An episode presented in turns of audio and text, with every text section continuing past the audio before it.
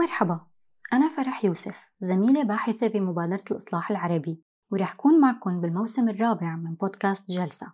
جلسة مع سياسيات سوريات بتتبع عبر تسلسل زمني تشكيلات وأجسام سياسية سورية.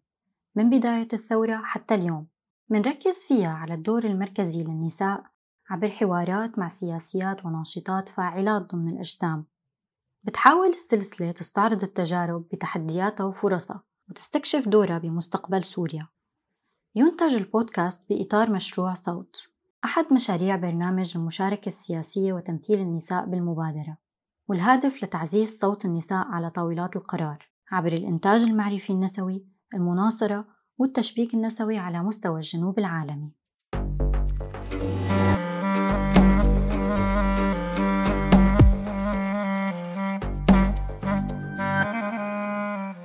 ضمن العملية السياسية بسوريا تأسست سنة 2015 الهيئة العليا للتفاوض. قادت الهيئة العملية التفاوضية مع النظام السوري برعاية الأمم المتحدة وتبنت الحل السياسي كخيار استراتيجي وبتعتبر القرار الدولي 2254 خارطة للحل السياسي اللي ممكن يحقق الاستقرار لسوريا.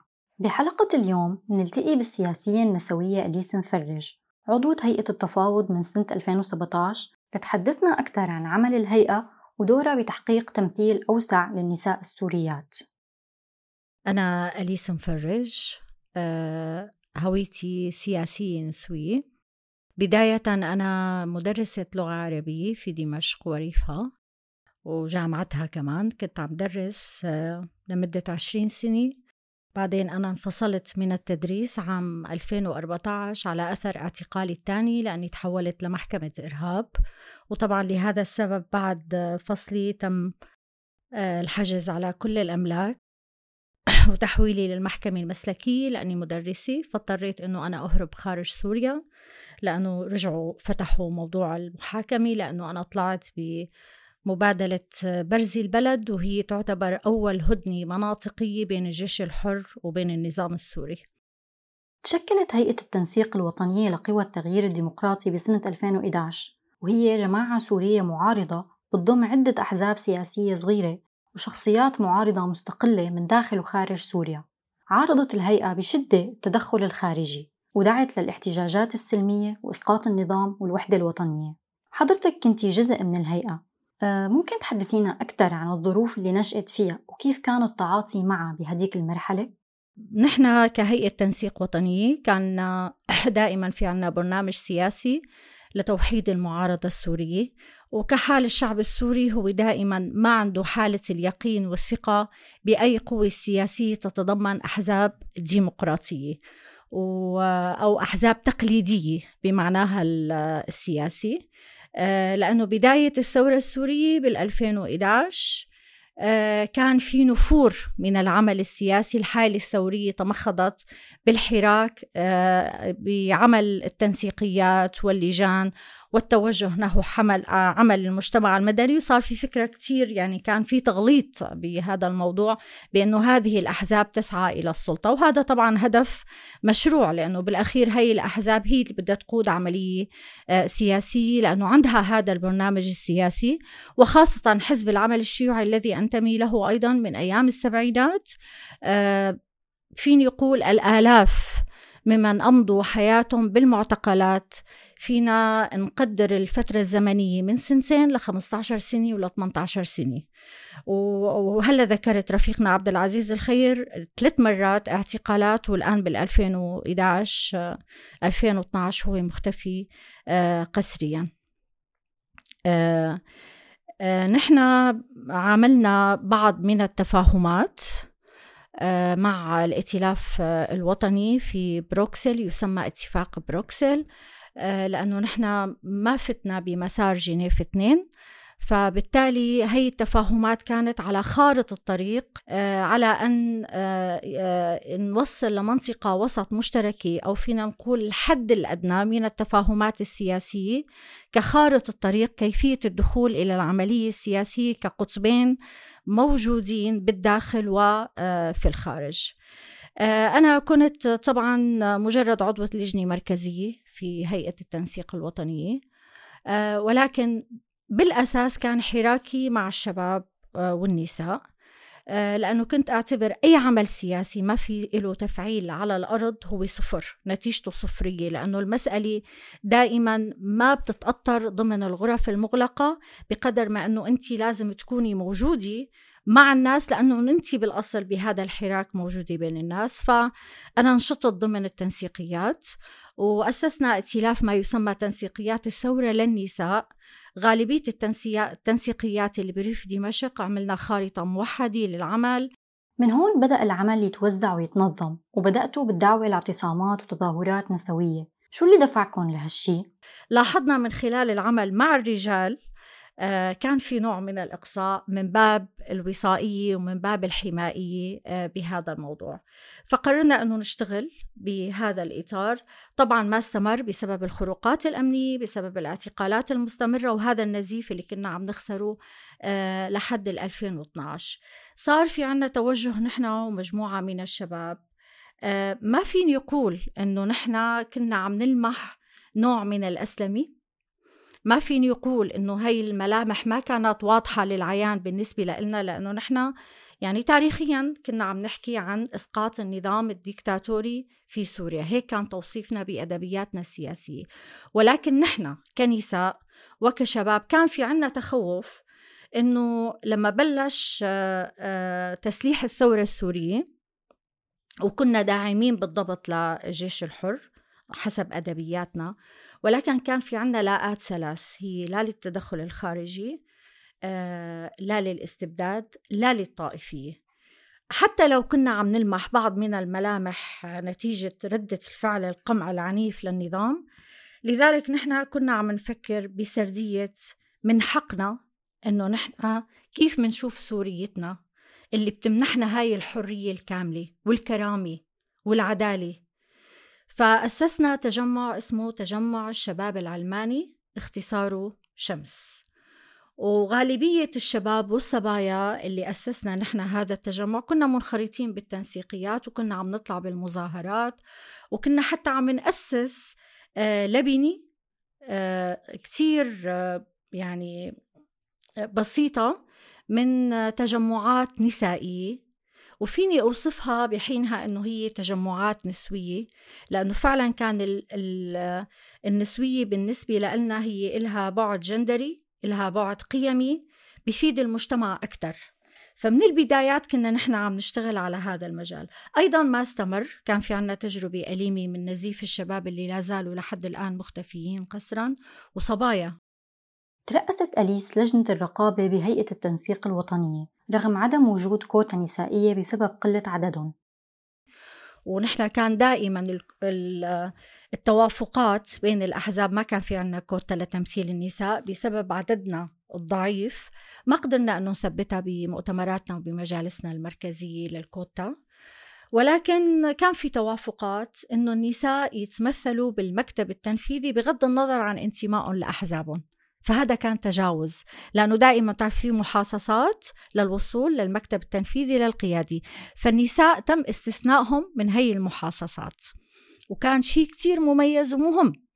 لحتى نحن فعلا يكون عنا وصول للمكتب التنفيذي وحتى وصول لأن يكون رئيس رئيسة الرقابة رئيسة الرقابة هي كانت موازية للمكتب التنفيذي. يعني هي اللي بتاخذ القرار السياسي والقرار التنظيمي ودائما تحضر اجتماعات المكتب التنفيذي. وأنا ما ترشحت أبدا للمكتب التنفيذي ولكن بشكل مستمر من حوالي 2013 لحتى اللحظة أنا مشاركة بالاجتماعات لعدة اعتبارات لأنه أنا عم مثل هيئة التنسيق الوطنية مهدت خطة التفاهمات مع الائتلاف لمؤتمر الرياض الأول بسنة 2015 واللي كان القرار 2254 من أهم ثماره؟ القرار وضع حد أدنى للتفاهمات الإقليمية والدولية المتعلقة بالحل السياسي للمسألة السورية وشاركت فيه ثلاث نساء من أصل 16 بمؤتمر القاهرة أقر بند بيدعم حقوق النساء بما يراعي الثقافة المجتمعية. كيف بيأثر هيك قرار على حراككم السياسي النسوي؟ ما حدث في مؤتمر القاهرة كان كثير ملفت وكان مخزي بحقنا كسياسيات وكنسويات حتى العلمانيين والديمقراطيين والتقدميين من الأحزاب اليسارية وافقوا على تثبيت بند بأن آه، نحن مع حقوق النساء مع تمكين النساء حسب القانون الدولي بما يراعي الثقافة المجتمعية. وهذا تم تثبيته بوثيقة مؤتمر القاهرة. فأنت لما بتجي بتجسدي تثبيت هذه الحقوق بما يتوافق مع الثقافة المجتمعية التقليدية فعمليا أنت خسرتي كل شيء. لأنه دائما في سوريا كان نفاذ العرف الاجتماعي على حساب القانون. كان النظام يمعن في نفاذ العرف الاجتماعي لسحق النساء. المسألة إلها هي تاريخية موروثي حالة إقصاء تمييزي موروثي. بحالة الثورة أكيد نحن ما تغيرنا 180 درجة. نحن ضلينا عم نتعامل آه، بذات الطباع اللي طبعنا فيها كذكوريين وذكوريات. كان الهدف الأساسي والأولويات الأساسية هي إسقاط النظام. ما هو اليوم التالي؟ قلائل جدا اللي كانوا عم بيفكروا باستراتيجية اليوم التالي. ولو أنه بدأ يتأسس لبنة مجتمع مدني بدأ يلحظ هاي المسألة ويشتغل عليها ضمن المسار آه، السياسي. خلال عملك السياسي شو التحديات اللي كنت تواجهيها وكيف قدرتي تستمري؟ آه، أثناء اعتقالي بال 2011 تعرضت لعنف جنسي ولتحرر جنسي من مظاهرة القمارية. وهذا ذكرته أنا بمقالتي بنيويورك تايمز اللي كتبتها اللي قدمت فيها توصيات بأنه العنف الجنسي هو أحد هو سلاح حرب ليتم لإقصاء النساء عن المساحات العامة والمشاركة آه، والتشاركية مع الرجال. في عنف سياسي يمارس على النساء باعتبارهن نساء. وإذا في ترشيح لأي اسم لأي شيء لأي مسار وتحديدا المسار الرسمي كان بيتم طلب آه، سيفياتهم أو سيرتهم الذاتية رغم أنه الرجال لا يتم طلب السيرة الذاتية هذا عنف يمارس على النساء وأنا تمارس علي هذا العنف. لم يتم التوافق حتى تم التأكد أنه أنا شو اشتغلت وشو هو اختصاصي وشو هو مجال نشاطي رغم أنه أنا هيئتي رشحتني لأن أكون في هذا المكان. هذا عنف حكما نسميه عنف. العنف بشكل عام يمارس على الرجال والنساء أنا برأيي. وليس فقط إذا بدنا نتحدث عن العنف على أساس النوع الاجتماعي. العنف الأساسي هو فقدان استقلاليتنا نحن كنساء ورجال. السوريين على الطاولة السياسية. فبالتالي العنف هو مضاعف ولكن لا يسلط الضوء إلا على النساء. باعتبارهم هن كائنات أكثر هشاشة. لا يتم التعريف فينا إلا كضحايا. لا نحن ناجيات أيضا وناجيات قويات استطعنا الاستفادة من التجارب. حكما في عنف يمارس بإقصائي من المطبخ السياسي أحيانا. ولكن بسبب تواصلي وعملي في الكثير من الملفات بالوصول إلى صناع القرار الدوليين ولدينا مساحاتنا على الأرض الموجودة. لا أعتقد بانه جميع الرجال يعملون بهذا المضمار. النساء بيحتاجوا لبذل جهد مضاعف جدا لحتى آه، يقدروا يحققوا استمراريتهم بأي مكان ليس فقط في العمل السياسي لأنه عالم ذكوري بامتياز. هذا العالم الذكوري دائما بيلاحق آه، ليس يعني بيلاحق النساء من النساء والرجال لأني لا أحب السردية المرأة عدوة المرأة. المجتمع هو عدو المرأة ولم يتعود بسبب الإقصاء والتهميش التاريخي على وجود النساء على الطاولة. أيضا مجتمعاتنا العائلية غير متعودة غير على الأنماط أو المهن التقليدية لعمل النساء وانخراطها مع الرجال هذا بمثابة آه، تخوف تخوف هو مشروع بالنسبة لهم لأنه مفهوم الوصائية والحمائية بيتم تنميطنا أو وصمنا بعرضنا وشرفنا. وهي اللغة التقليدية دائما موجودة. فإيه وجود امرأة على الطاولة بصوتها العالي وبتحديها هو بحد ذاته اختراق نوعي. وحقيقة نعم تمارس العنف بعدم لا يؤخذن النساء على محمل الجد. لحتى يشوفوا جدارتهم طريقة نقاشهم تحليلهم عملهم بأي توجه لحتى يثبتوا تواجدهم. آه عانينا لحتى وصلنا لأنه دائما نحن سيدات تنتين مع مع مع مع 100 رجل أحيانا بنكون بسفرنا المستمر أحيانا بنكون سيدي واحدة مع وفد. ففي اعتبارات لهذا التواجد اعتبارات اجتماعية. آه، أيضا هناك الكثير من التلوث الذهني بأنه بمعنى آه، علمانية ليست من أولياء الدم.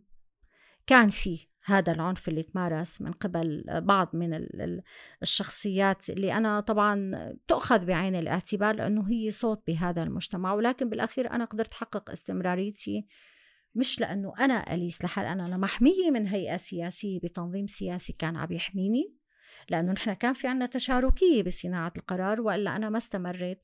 محمية بالسور النسوي اللي كنت أنا محاطة فيه من النساء من الداعمين.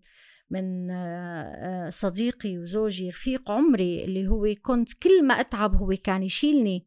كل ما أقول أنا بدي أستقيل وصلنا لنقطة الصفر كان عم بشيلني وحقيقة لولا هذا الدعم أنا ما استمريت آه، لأنه دائما نحن النساء موسومات.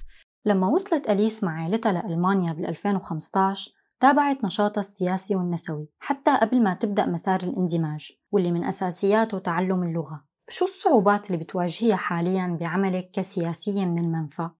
أه جيت أنا وعائلتي بال 2015 وبسبب عملي كنت منخرطة بوفد الهيئة العليا للتفاوض فالحكومة الألمانية أعطتني استثناء لأني أنا أتحرك وسافر وروح وأجي كونها كانت هي منخرطة أيضا بالملف السوري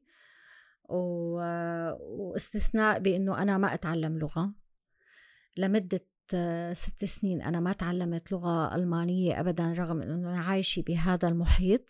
فكان في صعوبة بالتنقل كان في صعوبة بالإندماج آه، كان في صعوبة بالتعامل آه، لأنك أنت ببلد ما عم تحكي لغته.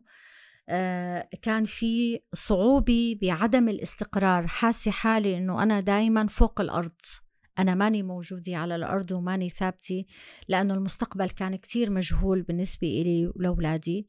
جبنا أزماتنا معنا نحن لهون ما يعني ما استرخينا. إجينا مع أزماتنا ومع آه، لجوءنا ومع هربنا من سوريا. أولادي قدروا أنهم يشتغلوا آه، بهاي المرحلة صار في عنا آه، ما يسمى الانقلاب الجندري. يعني بسوريا أنا كنت عم بهتم بالعائلة بالأطفال. بالحياة. الآن أنا مسافرة بشكل مستمر وعم بشتغل بالشأن العام رغم أنه زوجي كمان. حدا هو سياسي وبيشتغل بس هو صار في عنا تغير جندري بالأدوار. هو اللي عم بيهتم بالعائلة وبيهتم بالأطفال وعم بيكون سند لإلهم. لبعد سنين لحتى تعلمت اللغة. أه لبعد سبع سنين لحتى تعلمت اللغة الألمانية.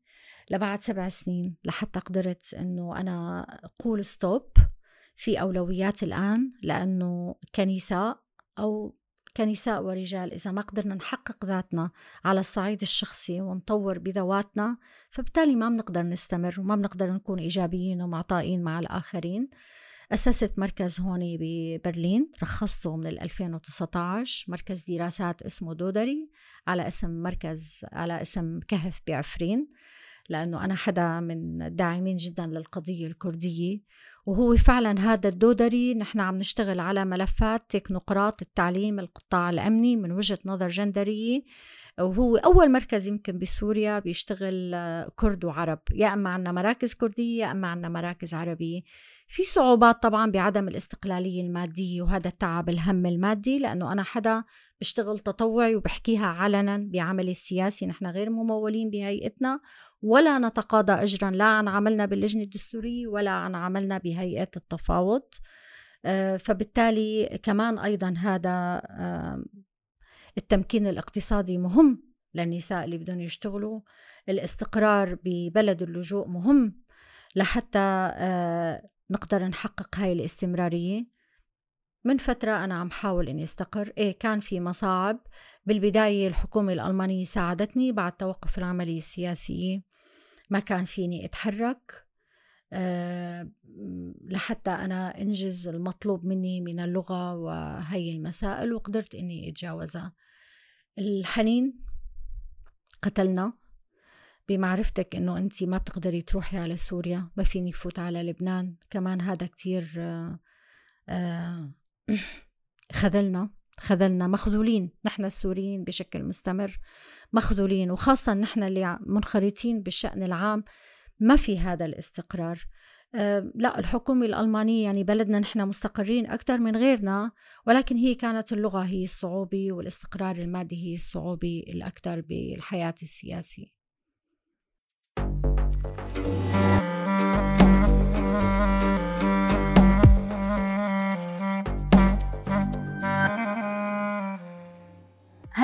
نهاية حلقتنا لليوم وبالحلقة القادمة منحاور الناشطة النسوية صباح الحلاق للحديث عن المجلس الاستشاري النسائي.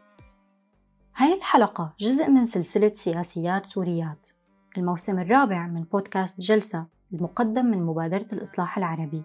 إنتاج وتحرير فريق ريلينك ميديا كنت معكم بالإعداد والتقديم فرح يوسف. وتضلوا بخير وسلام.